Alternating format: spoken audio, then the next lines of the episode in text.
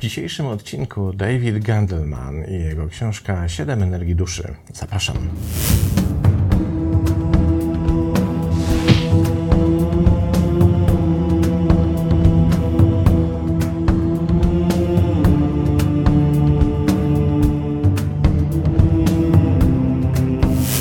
No i mamy 80. okrągły odcinek, więc z tej okazji dla wytrwałych na sam koniec tego odcinka przygotowałem pewien bonus. Ale najpierw zaczniemy od przyjrzenia się temu, kim jest autor dzisiejszej książki.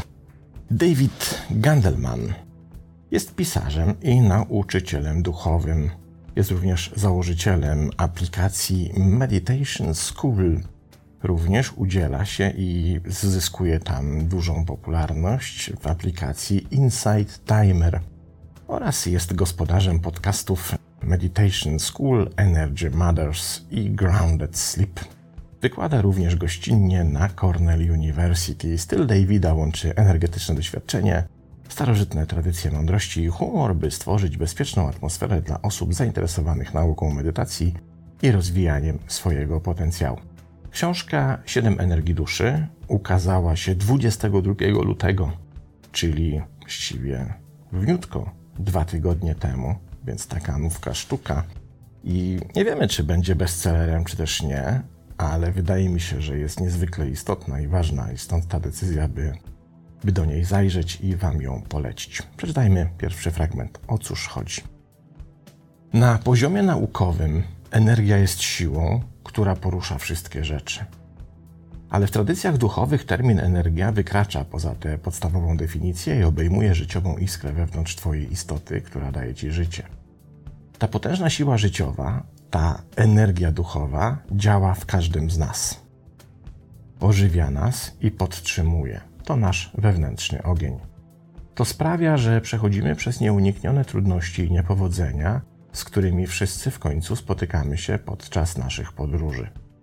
Religie i tradycje duchowe na całym świecie mają różne nazwy dla tej energii: prana, chi, pneuma, mana, baraka, sadki, siła witalna, wakan i oczywiście duch.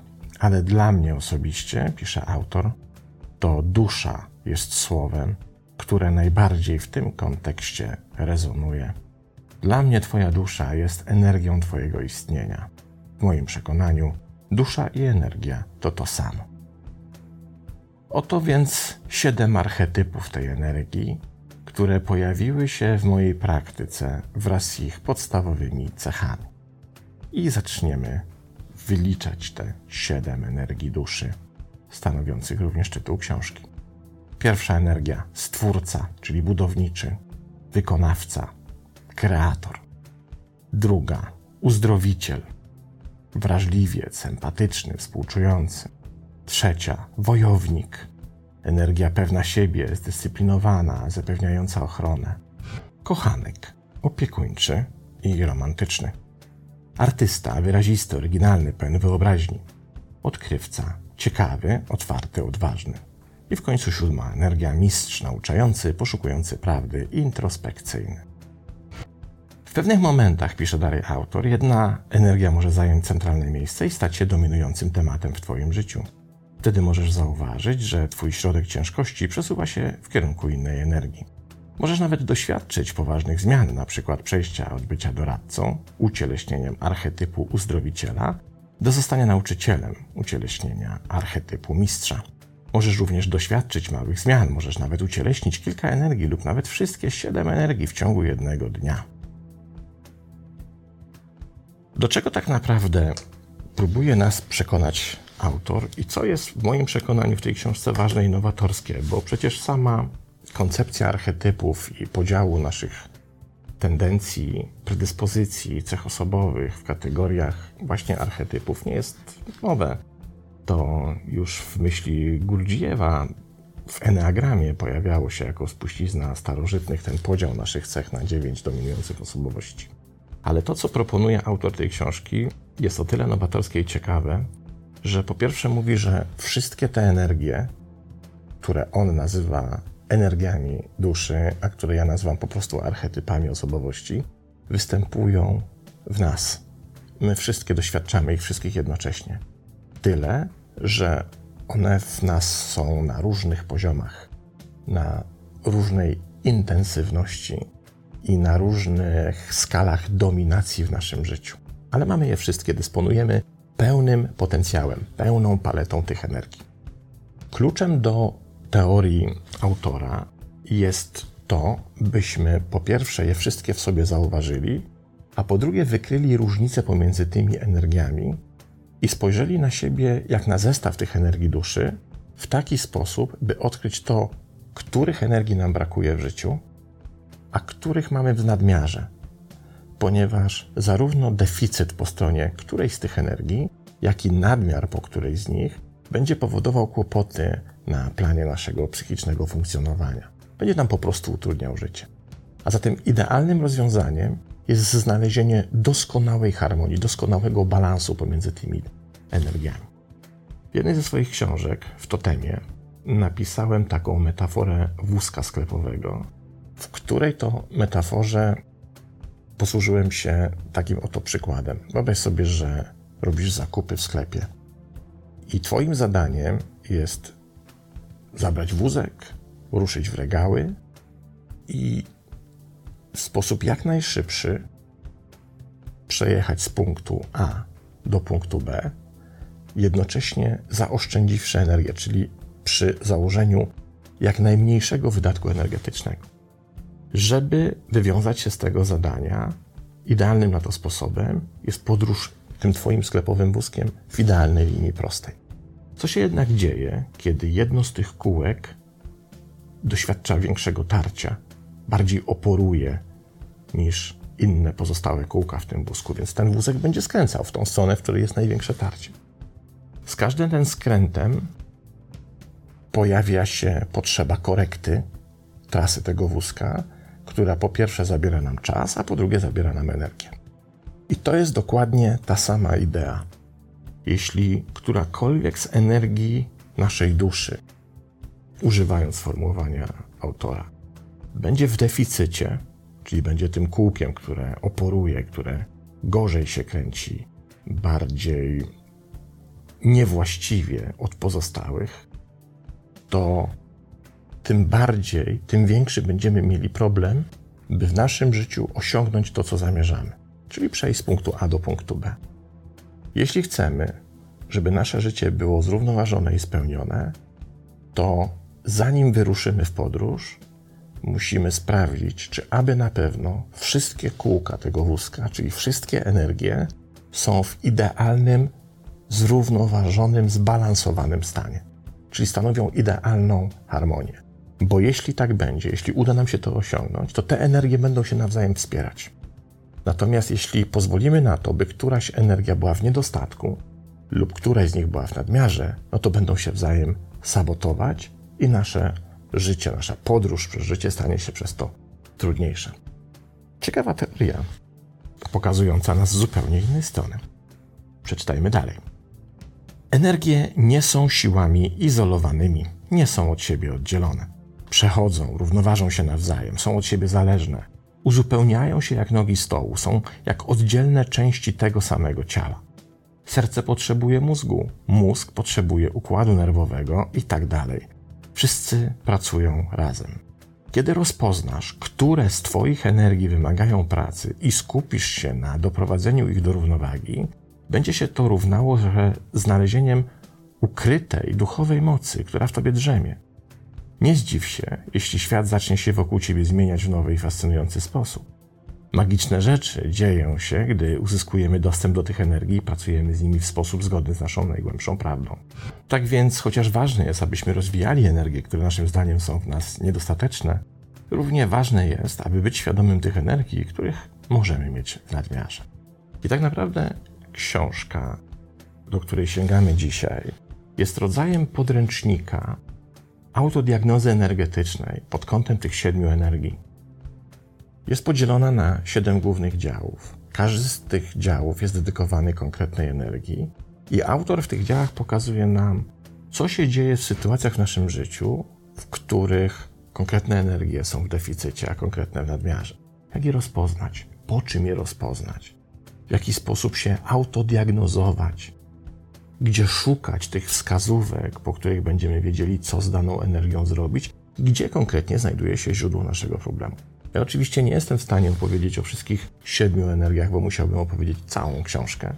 Wybrałem tylko jedną, żeby zobrazować, w jaki sposób to może wyglądać, ale wydaje mi się, że kiedy pokażemy tę jedną energię, to będzie nam dużo łatwiej już samodzielnie, mam nadzieję też, że sięgniecie po tę książkę, ale będzie nam dużo łatwiej samodzielnie wykombinować, w jaki sposób możemy pracować sami z sobą nad pozostałymi sześcioma. I tą energią, którą wybrałem do tego, by ją oczywiście w sposób skrótowy omówić, jest energia uzdrowiciela.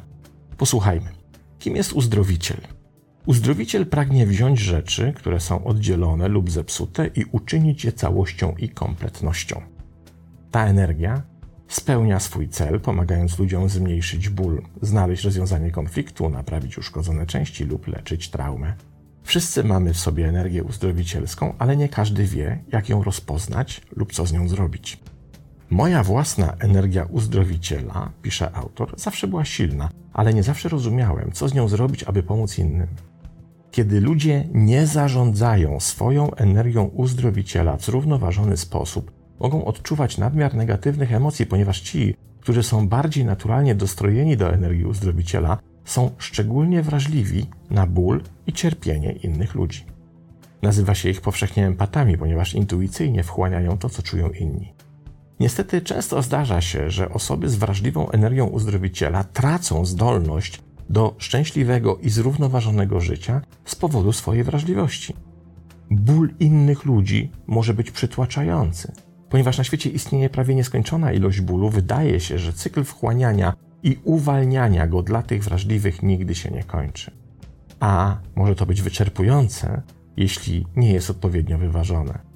Ci więc, którzy unikają własnych zdolności uzdrawiania, mogą łatwo popaść w depresję i stracić nadzieję, że rzeczy w ich własnym życiu lub w świecie mogą się kiedykolwiek zmienić. Mogą wierzyć, że rzeczy są zbyt zepsute, aby można je było pogodzić. Ten pesymizm pod pewnymi względami wynika z głęboko zakorzenionego bólu. Na najgłębszym poziomie uzdrowiciel w deficycie wierzy, że bólu lub konfliktu nie można uleczyć, ponieważ ich samych nie można uleczyć ani pokochać. I wynotowałem sobie kilka wytycznych, żebyśmy zobaczyli, w jaki sposób, według autora oczywiście, wygląda energia uzdrowiciela, kiedy znajduje się w deficycie, kiedy jest jej zbyt mało w nas, jak również wówczas, kiedy znajduje się w nadmiarze. Przeczytajmy. Jak przejawia się uzdrowiciel w deficycie? Po pierwsze, egoizmem, po drugie, pesymistyczną wizją ludzkiej natury, apatią połączoną z poczuciem izolacji, tak zwaną zimną energią, poczuciem bycia ofiarą, niezdolnością do zarządzania emocjami w zdrowy sposób, deficytami myślenia empatycznego, niemożnością poradzenia sobie z traumami, trudnościami w koncentracji na sprawach dotyczących innych. A jak przejawia się uzdrowiciel, kiedy jest w nadmiarze? Przejawia się, według autora, nieustanną potrzebą poprawiania innych i ingerowania w ich życie. Tendencją do przebywania poza ciałem, czyli tak naprawdę do odlotu. Dyskomfortowym poczuciem nieustannego zamartwiania się oraz odczuwaniem niegasnącego niepokoju. Tendencją do absorbowania cudzego cierpienia poczuciem dyskomfortu w niezręcznych sytuacjach, unikaniem rzeczywistych konfrontacji z problemem, wiarą, że wszystko da się naprawić, zbyt wysokim uzależnieniem od wartościowania niesienia pomocy innym, niedostatecznym zarządzaniem własnymi granicami, tendencją do dramatyzowania, dominującym podążaniem za zewnętrzną energią kosztem własnej. Oczywiście nie chodzi tutaj o to, że wszystkie te cechy występują jednocześnie. Chodzi tutaj o to, że kiedy się pojawia choć jedna z nich, może być ona sygnałem do tego, że według autora nasza energia uzdrowiciela jest albo w deficycie, albo w nadmiarze. Autor podaje również, jak powinien przejawiać się uzdrowiciel, kiedy ta energia jest zbalansowana. Posłuchajmy. Wtedy pojawia się zdolność do współodczuwania i empatii. Pojawia się umiejętność słuchania, współczucie i zrozumienie pojawia się poczucie łączności z naturą. Pojawia się umiejętność inteligencji emocjonalnej, wrażliwość seksualna, podążanie za imperatywem ratowania Ziemi, potrzeba odczuwania siebie jako części większej całości. I w ten sposób widzimy, że na podstawie takiej pilnej, głębokiej, ale uczciwej w stosunku do samych siebie, samoobserwacji, jesteśmy w stanie odkryć, na poziomie których energii mamy problem, na czym ten problem polega, z czego ten problem wynika? I w jaki sposób jesteśmy w stanie ten problem uregulować za pomocą albo doenergetyzowania tej energii, jeśli tak możemy powiedzieć, albo też za pomocą ograniczenia jej energetyzowania, czyli za pomocą ujęcia jej naszej dominującej atencji. I teraz jest proste pytanie: czy ten system proponowany przez autora nam czegoś nie przypomina? Oczywiście, że przypomina chiński, starożytny, kosmologiczny system Wuxing, czyli tak naprawdę ten system, który zarządza między innymi nie tylko chińską kuchnią pięciu smaków, ale również medycyną chińską, która tak naprawdę polega na wyrównywaniu poziomów. Na tym, by sprawdzić, czego jest zbyt wiele i nie dostarczać nadmiaru tego czegoś do organizmu, i jednocześnie sprawdzić, czego jest za mało i dostarczyć tego, co brakuje, czyli wyrównać tę energię. Na tym polega przecież tak naprawdę medycyna chińska, leczenie ludzi, sprawdzanie, które energie są w nadmiarze, a które są w deficycie. I dokładnie ten system autor przenosi na coś, co nazywa energiami naszej duszy, czyli tak naprawdę naszymi wewnętrznymi archetypami, którymi jesteśmy w stanie zarządzać. Myślę, że warto się nad tym pochylić i warto na siebie spojrzeć właśnie w ten sposób, by doświadczyć możliwości uzdrowienia, samouzdrowienia. Posłuchajmy, co mówi dalej, już o wyrównaniu tych energii. Kiedy odnajdujemy równowagę energetyczną, znajdujemy radość i spełnienie w życiu, których nie można znaleźć w żaden inny sposób. Kiedy zaznajomisz się z tymi siedmioma energiami i jak manifestują się one w Twoim życiu, będziesz mógł zajrzeć w siebie za każdym razem, gdy poczujesz się wyłączony i zobaczyć, która z energii powinna zostać doprowadzona do równowagi. Kiedy siedem energii działa prawidłowo razem w zrównoważony sposób, ta równowaga prowadzi do życia w celu i spełnieniu. Siedem energii jest zawsze z nami, a nasza praca z nimi pozwala nam poruszać się z większą gracją i pewnością we wszystkich sytuacjach, które napotykamy w naszym życiu. Odpowiednio je równoważąc, odkrywamy moc prawdziwego sukcesu i uczymy się unikać pułapek nadmiaru i niedostatku. Ale zanim zaczniemy badać każdą energię, są trzy podstawowe postawy, które chcę, żebyście zabrali ze sobą, kiedy idziecie naprzód. Są radykalną szczerością wobec siebie, samoakceptacją i współczuciem dla siebie.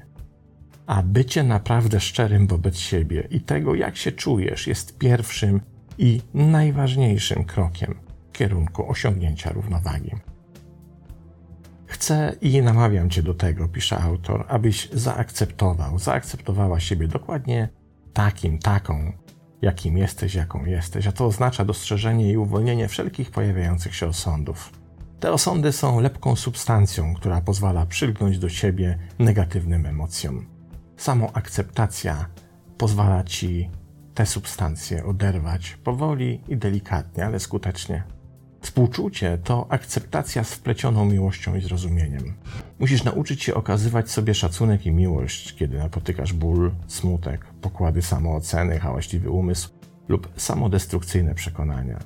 Poprzez współczucie wobec siebie uczysz się nie tylko akceptować siebie, ale także wiedzieć, że zasługujesz na opiekę i miłość. Wtedy też otworzy się przed Tobą możliwość wyrównania wszystkich siedmiu energii i osiągnięcia zdrowej równowagi i harmonii.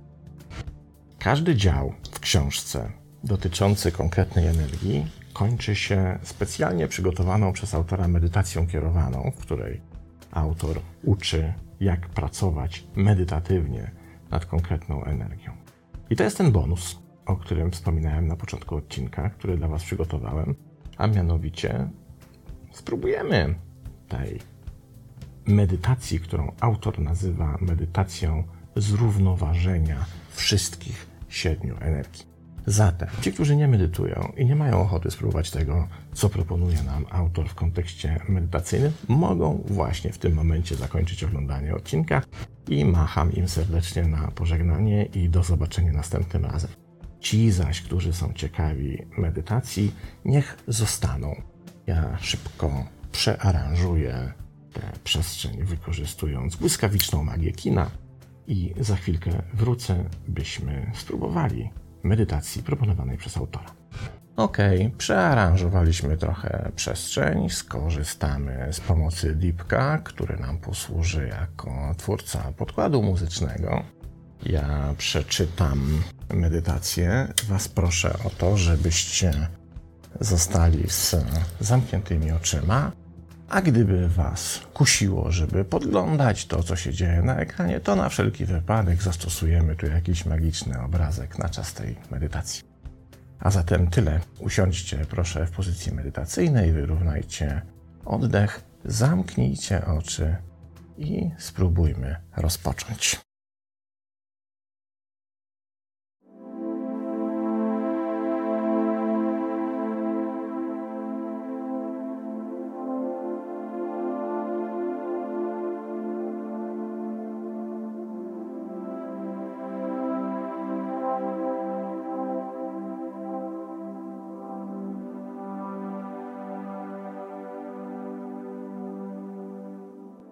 Zamykając fizyczne oczy jednocześnie spraw, by oczy Twojego umysłu się otworzyły. Tuż przed sobą wyobraź sobie siedem róż, każda w innym kolorze, ustawione w linii w jednym rzędzie. Każda z tych róż reprezentuje jedną z energii Twojej duszy. Poruszając się od lewej do prawej, widzisz kolejną energię Stwórcy, uzdrowiciela, wojownika, kochanka, artysty, odkrywcy i mistrza. Teraz przyjrzyj się różom i spróbuj zobaczyć, która z nich znajduje się w pełnym rozkwicie, a która wygląda nieco mniej okazale i potrzebuje więcej Twojej energii i atencji. Spróbuj również odpowiedzieć sobie na pytanie, która z tych energii jest mniej zintegrowana z tym, kim jesteś i która wydaje ci się obecnie nieco obca. Jeśli taką odkryjesz pośród tych siedmiu róż, to wyobraź sobie, że sięgasz po te właśnie róże i przytulasz ją do siebie. Poczuj jej zapach, jej energię i wibracje w okolicy swojego serca. Z pewnością uda ci się zlokalizować, która to róża bo zauważysz, że porusza się ona nieco inaczej od pozostałych. Teraz, kiedy przytulasz te róże do Twojego serca, możesz zobaczyć lub poczuć, dlaczego unikasz nakarmienia tej energii i co powinieneś zrobić, by te róże zasilić swoją opieką, uzdrowieniem i atencją, wyczuloną na to, czego właśnie w tej chwili potrzebuje. Teraz zobacz, że wystarczy te róże obdarzyć odpowiednią atencją, uwagą i świadomością, by zaczęła rozkwitać tak jak pozostałe. Kiedy już uzdrowisz tę jedną różę, odłóż ją na miejsce i rozejrzyj się po pozostałych. Czy wśród nich jest jeszcze jakaś róża, która domaga się zwiększenia Twojej opieki i atencji? Jeśli tak, to powtórz to, czego dokonałeś z pierwszą różą. Przytul ją do serca i obdarz ją odpowiednią ilością energii, atencji i troski, aż zacznie rozkwitać, by swoją siłą nie odstawać od pozostałych róż. Teraz ponownie przyjrzyj się siedmiu różom reprezentującym energię Stwórcy, Uzdrowiciela, Wojownika, Kochanka, artysty, odkrywcy i mistrza. Ale tym razem poszukaj takich, które swoją wielkością dominują pozostałe. Takich, które wyraźnie odstają od reszty, jakby posiadały zbyt dużo energii i atencji. Kiedy je dostrzeżesz, już wiesz, że musisz przeorganizować nawyk zbyt częstego tulenia ich do serca i obdarzania większą atencją od pozostałych. Kiedy już ukończysz swoje zadanie, i dostrzeżesz, że mniej rozwinięte róże rozkwitły tak, by stać się tak samo okazałe jak inne, a te róże, które stały się zbyt okazałe, zmniejszyły swoje rozmiary, by zrównać się z innymi, spróbuj wsłuchać się w ich harmonię, wspólną wibrację i zauważ, że dopiero wówczas, kiedy są idealnie zrównoważone i zbalansowane, ich harmonia jest najdoskonalsza. Kiedy tylko uda ci się to zauważyć, wyobraź sobie, że siedem róż właśnie przed oczami Twojego umysłu łączy się w jedną, mieniącą się najpiękniejszymi kolorami dorodną, wspaniałą różę. I tę jedną różę, powstałą z połączenia siedmiu róż, właśnie przytul do swojego serca. Wtedy poczujesz, jak zintegrowana i zharmonizowana energia ich wszystkich zaczyna integrować i harmonizować Twoje istnienie. Pozostań tak przez chwilę w doświadczaniu tej harmonii, po czym powoli otwórz oczy.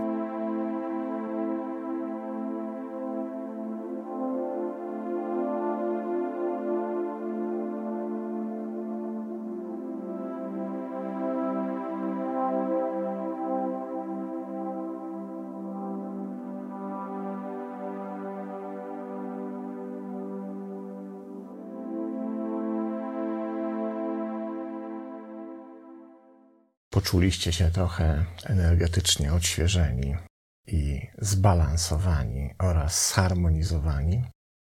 Autor tej medytacji David Gandelman oraz ja, niżej podpisany, uznajemy, że powinniście być choć odrobinę. To tyle. Dzięki za wytrzymanie do końca. Tym wszystkim, którzy byli ze mną do końca tego odcinka. I tyle. Zapraszam. Cześć, do następnego razu.